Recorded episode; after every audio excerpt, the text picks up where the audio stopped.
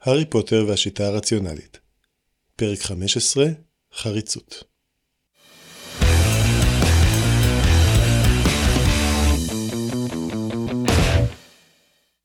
פריג'ידרו הארי טבל אצבע בכוס המים שעל שולחנו.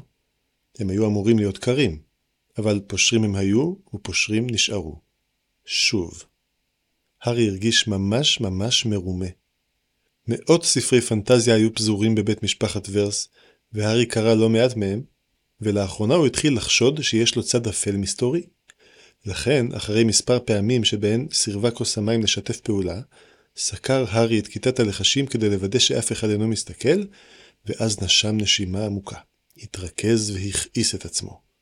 הוא חשב על התלמידים מסלית'רין שהתעללו בנביל, ועל המשחק שבו מישהו מפיל למישהו אחר את הספרים בכל פעם שהוא מנסה להרים אותם.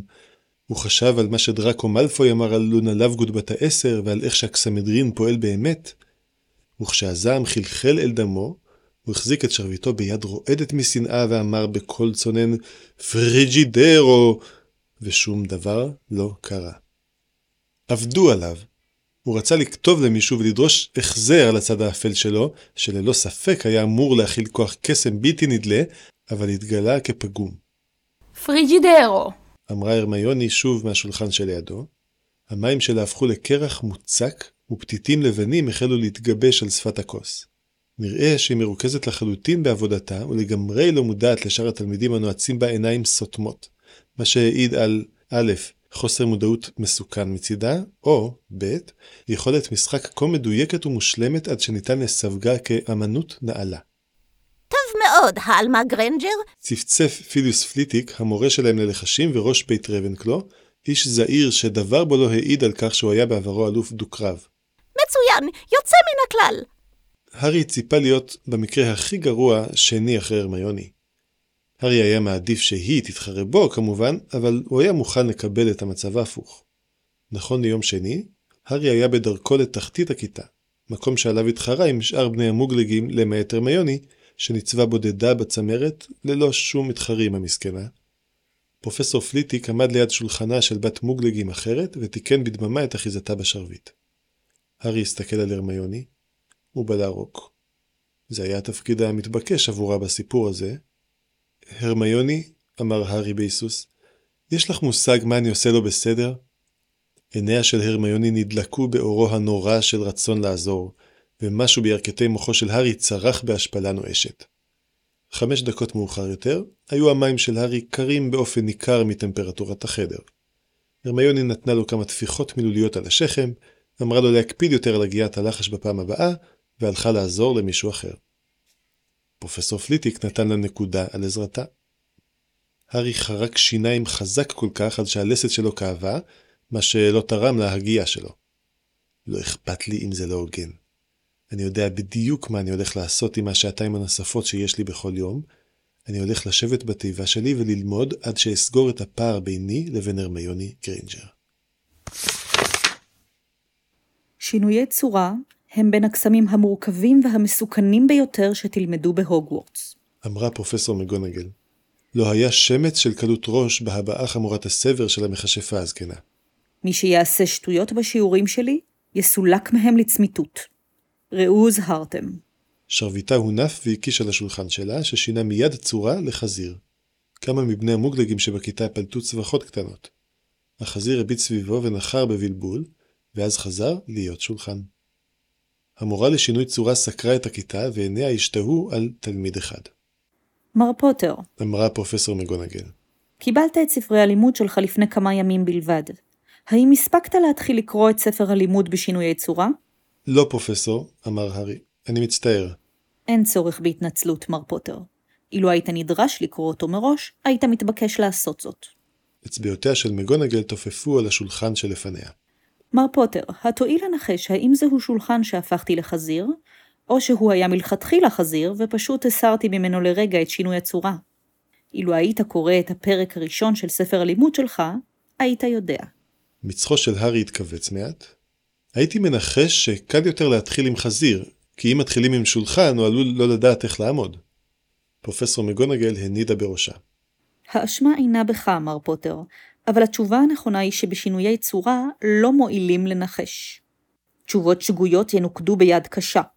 שאלות שיושארו ללא מענה ינוקדו ביד רכה עד מאוד. עליכם ללמוד לדעת מה אינכם יודעים. אם אני שואלת אתכם שאלה, לא משנה כמה ברורה או בסיסית היא, ואתם עונים אני לא בטוח, לא אזקוף זאת לחובתכם, וכל מי שיצחק יפסיד נקודות לבית שלו. האם אתה יכול לומר לי למה החוק הזה קיים, מר פוטר? כי טעות יחידה בשינוי צורה עלולה להיות מסוכנת להחריד?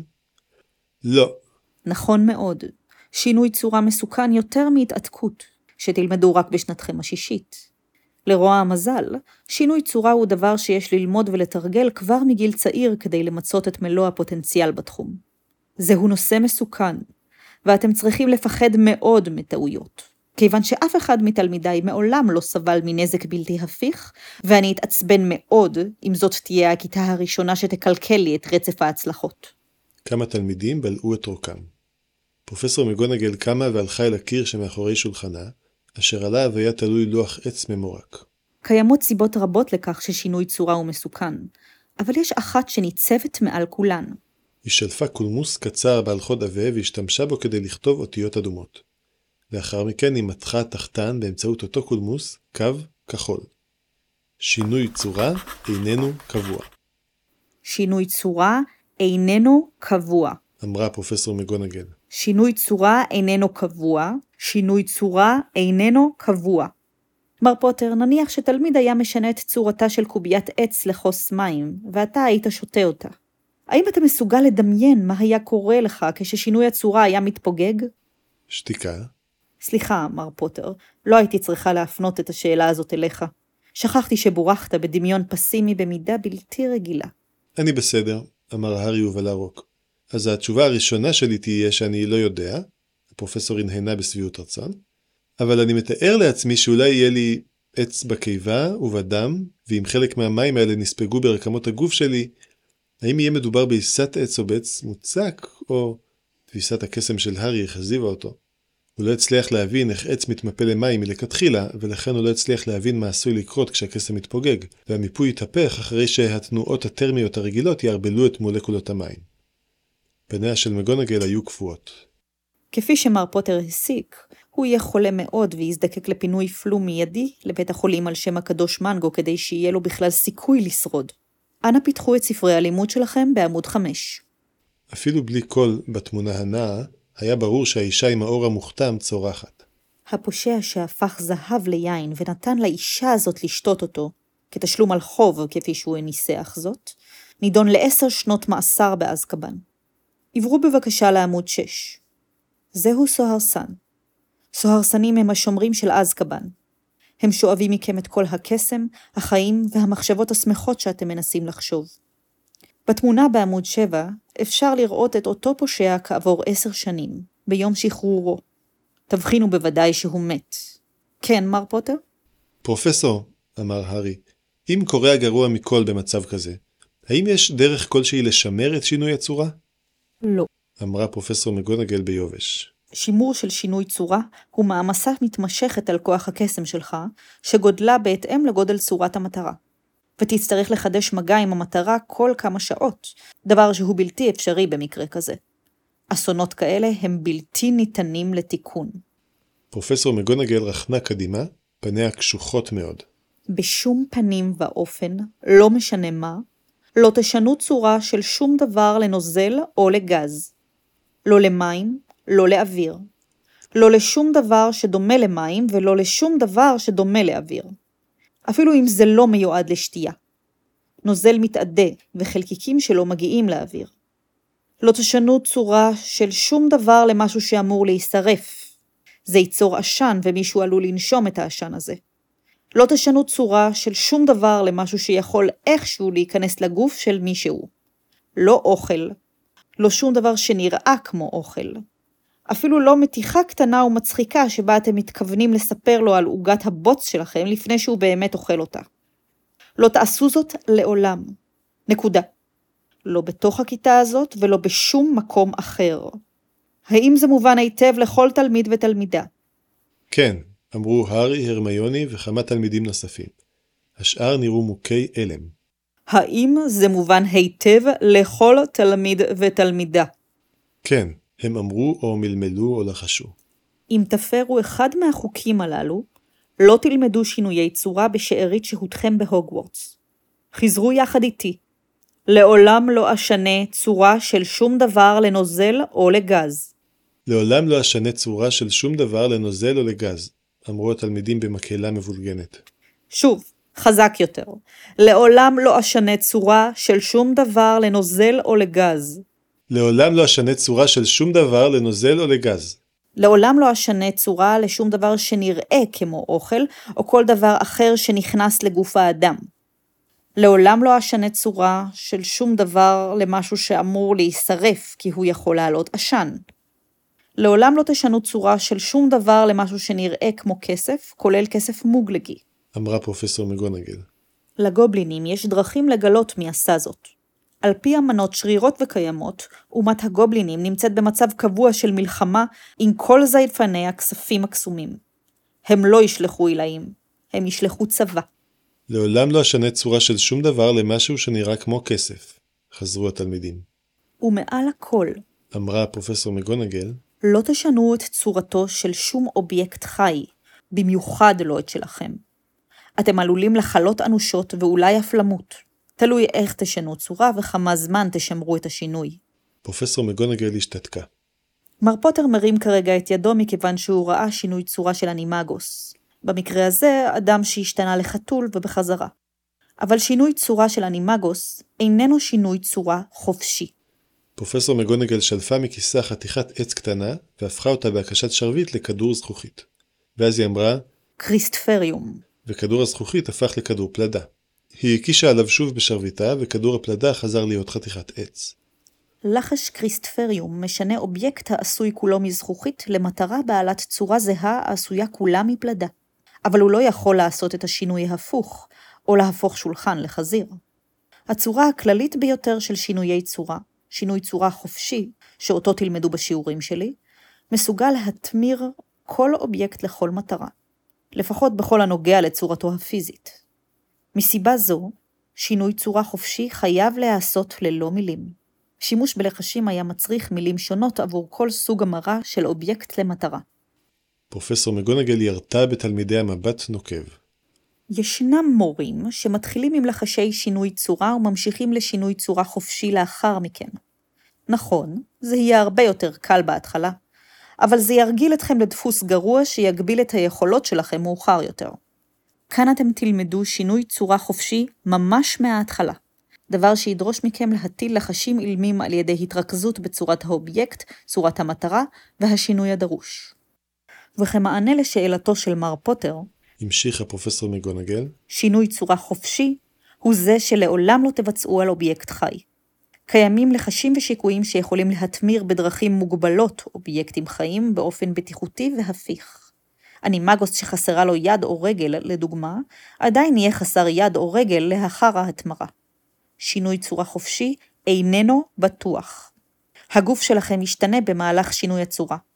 נשימה, לדוגמה, כרוכה בעיבוד מתמיד של חומרי גוף לאוויר הסובב.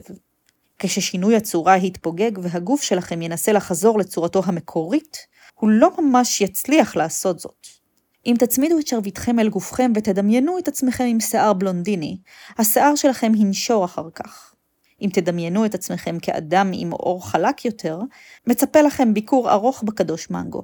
ואם תשנו את גופכם לגוף של אדם מבוגר, כששינוי הצורה יפוג, אתם תמותו. זה הסביר למה הוא ראה דברים כמו ילדים שמנים או ילדות שלא ניחנו ביופי מושלם. או אפילו אנשים זקנים לצורך העניין. דבר כזה לא היה קורה אם היה אפשר לשנות צורה כל בוקר. הארי הרים את ידו וניסה למשוך את תשומת ליבה של פרופסור מגונגל בעזרת העיניים. כן, מר פוטר. האם ניתן לשנות צורה של אובייקט חי למטרה שהיא סטטית, כמו מטבע, אה, לא סליחה אני ממש מצטער, בואי נגיד כדור פלדה. פרופסור מגונגל הנידה בראשה. מר פוטר, אפילו חפצים דוממים עוברים שינויים פנימיים קטנים במהלך הזמן. לא יתחוללו בגופך שינויים שיהיה ניתן לראות, ובדקה הראשונה לא תבחין בשום דבר בעייתי. אבל תוך שעה אתה תחלה, ותוך יום אתה תמות. הם, סליחה רגע, אז אם הייתי קורא את הפרק הראשון, הייתי יכול לנחש שהשולחן היה במקור שולחן ולא חזיר, אמר הארי. אבל רק אם הייתי מניח הנחה נוספת שלא רצית להרוג את החזיר, וזה אמנם נראה די סביר, אבל... אני חוזה שבדיקת המבחנים שלך תהיה מקור בלתי נדלה של עונג עבורי, מר פוטר. אבל אם יש לך שאלות נוספות, תוכל בבקשה להמתין עד אחרי השיעור? אין שאלות נוספות, פרופסור. עכשיו חזרו אחריי. אמרה פרופסור מגונגל. לעולם לא אנסה לשנות צורה של שום דבר חי, ובמיוחד לא את שלי, אלא אם כן הונחיתי במפורש לעשות זאת בעזרת לחש ייעודי או שיקוי. אם אני לא משוכנע ששינוי צורה מסוים הוא בטוח, לא אנסה אותו לפני שאשאל את פרופסור מגונגל, פרופסור פליטיק, פרופסור סנייפ או את המנהל, שהם הסמכויות המוכרות היחידות לשינויי צורה בהוגוורטס. לשאול תלמיד אחר זה לא מספיק, אפילו אם הוא אומר שהוא זוכר ששאל את אותה השאלה. אפילו אם המורה הנוכחי להתגוננות מפני כוחות האופל בהוגוורטס אומר לי ששינוי צורה הוא בטוח, ואפילו אם אני רואה את המורה להתגוננות מבצע אותו ולא נראה ששום דבר רע קורה, לא אנסה אותו בעצמי. זכותי המלאה לסרב לבצע כל שינוי צורה שאני לא מרגיש בטוח לגביו במאת האחוזים. מכיוון שאפילו המנהל של הוגוורטס אינו יכול להורות לי לבצע אותו, אני בטח לא אציית לשום הוראה שכזאת מפי המורה להתגוננות מפני כוחות האופל, אפילו אם המורה להתגוננות מאיים להוריד לבית שלי 100 נקודות ולדאוג שיסלקו אותי מבית הספר. אם אפר אחד מהחוקים האלה, לא אלמד עוד שיעורי שינויי צורה במהלך שהותי בהוגוורטס. אנחנו נחזור על החוקים האלה בתחילת כל שיעור בחודש הראשון. אמרה פרופסור מגונגל. ועכשיו נתחיל עם גפרורים כאובייקטים ומחטים כמטרות. החזירו את השרביטים שלכם למקומם, תודה רבה.